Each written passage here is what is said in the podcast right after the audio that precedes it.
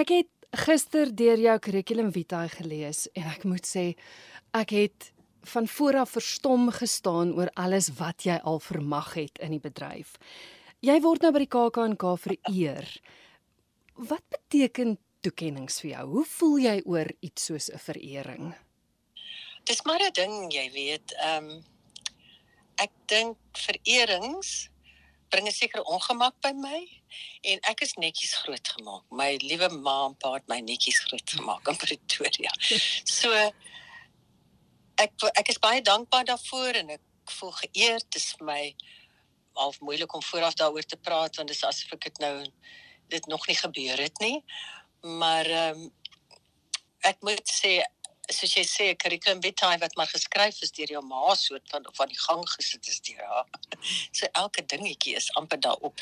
Maar ehm um, ek het baie geleenthede in my lewe gehad vir werk. Ek is daarvoor baie baie dankbaar. En as dit kom by verering, dan is dit maar die die geleenthede wat ek voor dankie wil sê.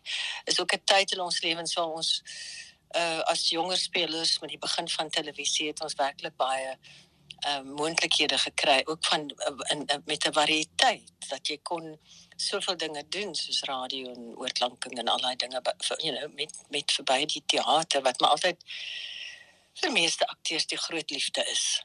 Hmm. Maar ja, dis eintlik met verering wat ek wil sê dankie vir die skrywer, dankie vir die ehm um, ek dink aan al die wonderlike stukke wat ek gedoen het en dis nie die hooggeplaaste so Shakespeare en dit altyd nie, dit is maar werklike mense wat my trigger, soos Engels maar sê en eh, wat Reikating gedoen het op 'n manier en wat Terence McNally so goed kan doen en ja, Esther Willard wat niemand eintlik sou ken nie, maar sy het as Amerikaanse Pepstein geskryf en ek het so heel wat kere Pausiana die tweede in uh, the American Puppies gedoen het.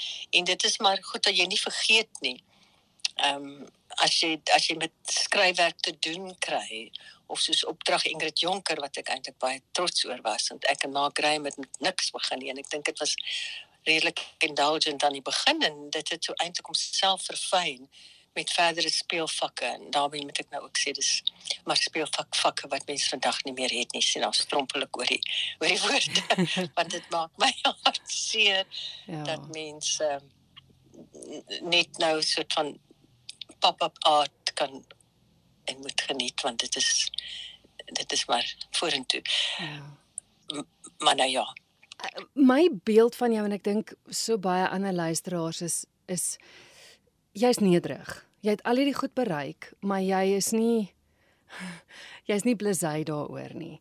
Maar wat vir my interessant is, die die stuk waaroor ons nou praat wat jy geskryf het, is 'n baie persoonlike stuk. En en die persepsie wat ons van jou het is dat jy jy wil nie hê almal moet alles van jou weet nie. So dit is nogal so 'n besluit gewees het om te besluit goed, ek gaan nou deels my storie met gehore deel? Ek dink nie eh uh, Christel, dit was noodwendig my uitgangspunt nie. Ek is privaat. Ek uh, ek dink nie ek kan sommer maklike papier en potlood nader trek en sê ek wil nou oor myself skryf nie. Ek sê altyd hoe en en amper vloek ek. Wie sal nou ooit belangstel om om om om jy weet my storie te volg? Ek dink Maggie Smith het dit ook eendag gesê. Who in his right mind would want to know what I did, what I was up to. En dit is maar my gevoel. Ek dink die feit dat ek uh, ek is nie ambisieus nie, dit weet ek nou nogal. Uh I have a strange kind of timidity wat my soms uh poetjie.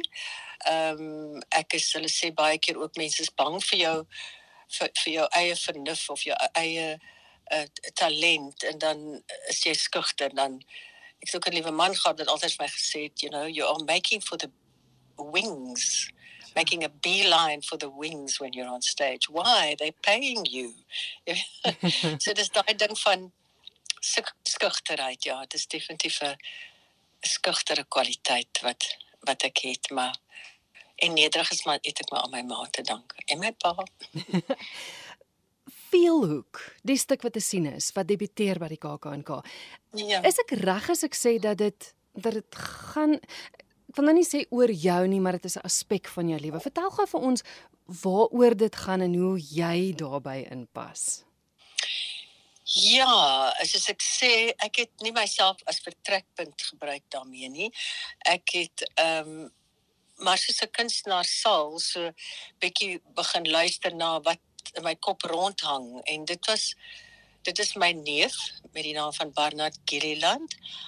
Uh hy is al reeds lank al oorlede en ehm um, daar's 'n teks, 'n praatvers van hom wat my baie bygebly het deur die jare. En dit het my vertrekpunt geword want ek het altyd ek is hou van alle kunsforme, seker maar omdat ek sterk visueel ook is en so aan. En ek wou weet of uitvind uh of hierdie praatvers uh teatraal of moontlik is of moontlik is om op die verhoog op te voer. En ek het daarmee begin en toe ek allerhande plekke agter geskuil. Uh want ek wil eintlik te sê maar wat wil jy doen? Wil jy nou hulde blyk? Wil jy homage skep en al daai grand goed? Tog ek nee. Jy wil eintlik net inskakel by hom. Jy wil eintlik um 'n gesprek hê met hom. En dit was maar my vertrekpunt met die gevolg is al die goeters en dinge wat ek in die begin ingebring het, het soort van begin verdwyn en ek het ek dink ek het myself dit vind doen skryf.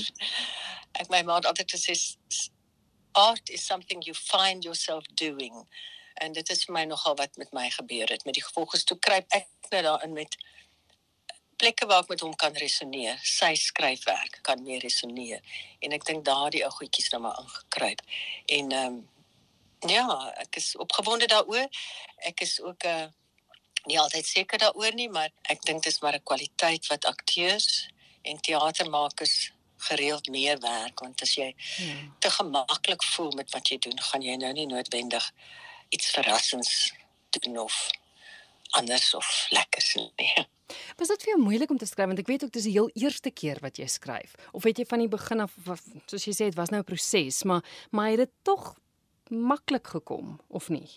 Ek dink as mens soort van jou eie stories verhaal, is dit nie moeilik nie want jy ken hulle, ek ken mense wat sulke wonderlike stories vertel soos Martinus Passon en jy hang aan sy lippe. Dit dis nie die moeilikheidsgraad van van daai skryf nie. Dit dit is dat jy besef eintlik jy's lief vir die woord.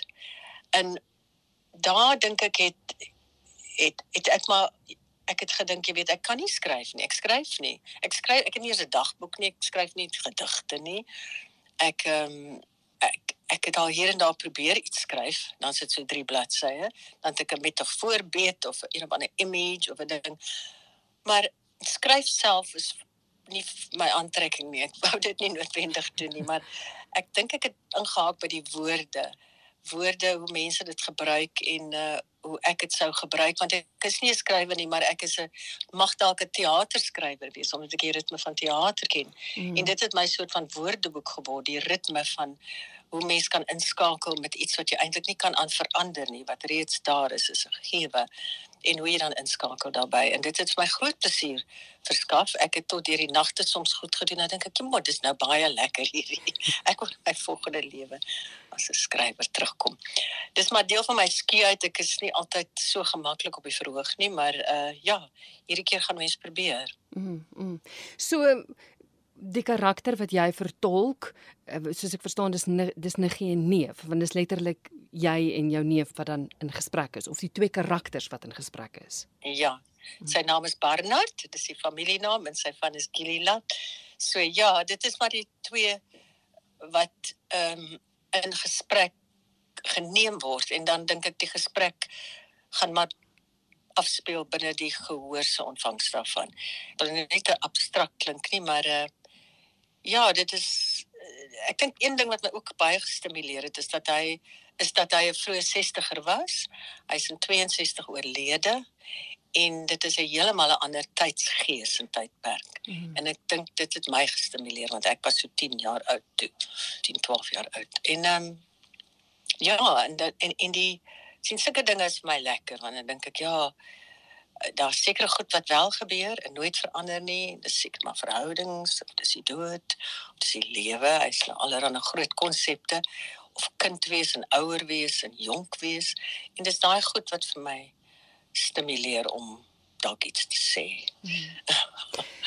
Wie is saam met jou op die verhoog? Wie vertolk die rol van van Barbara? Ja, ehm um, Ludwig Binge vertolk die rol of doen my neef se sk se skryfwerk wat ek inbring. En daaroor is ek baie opgewonde.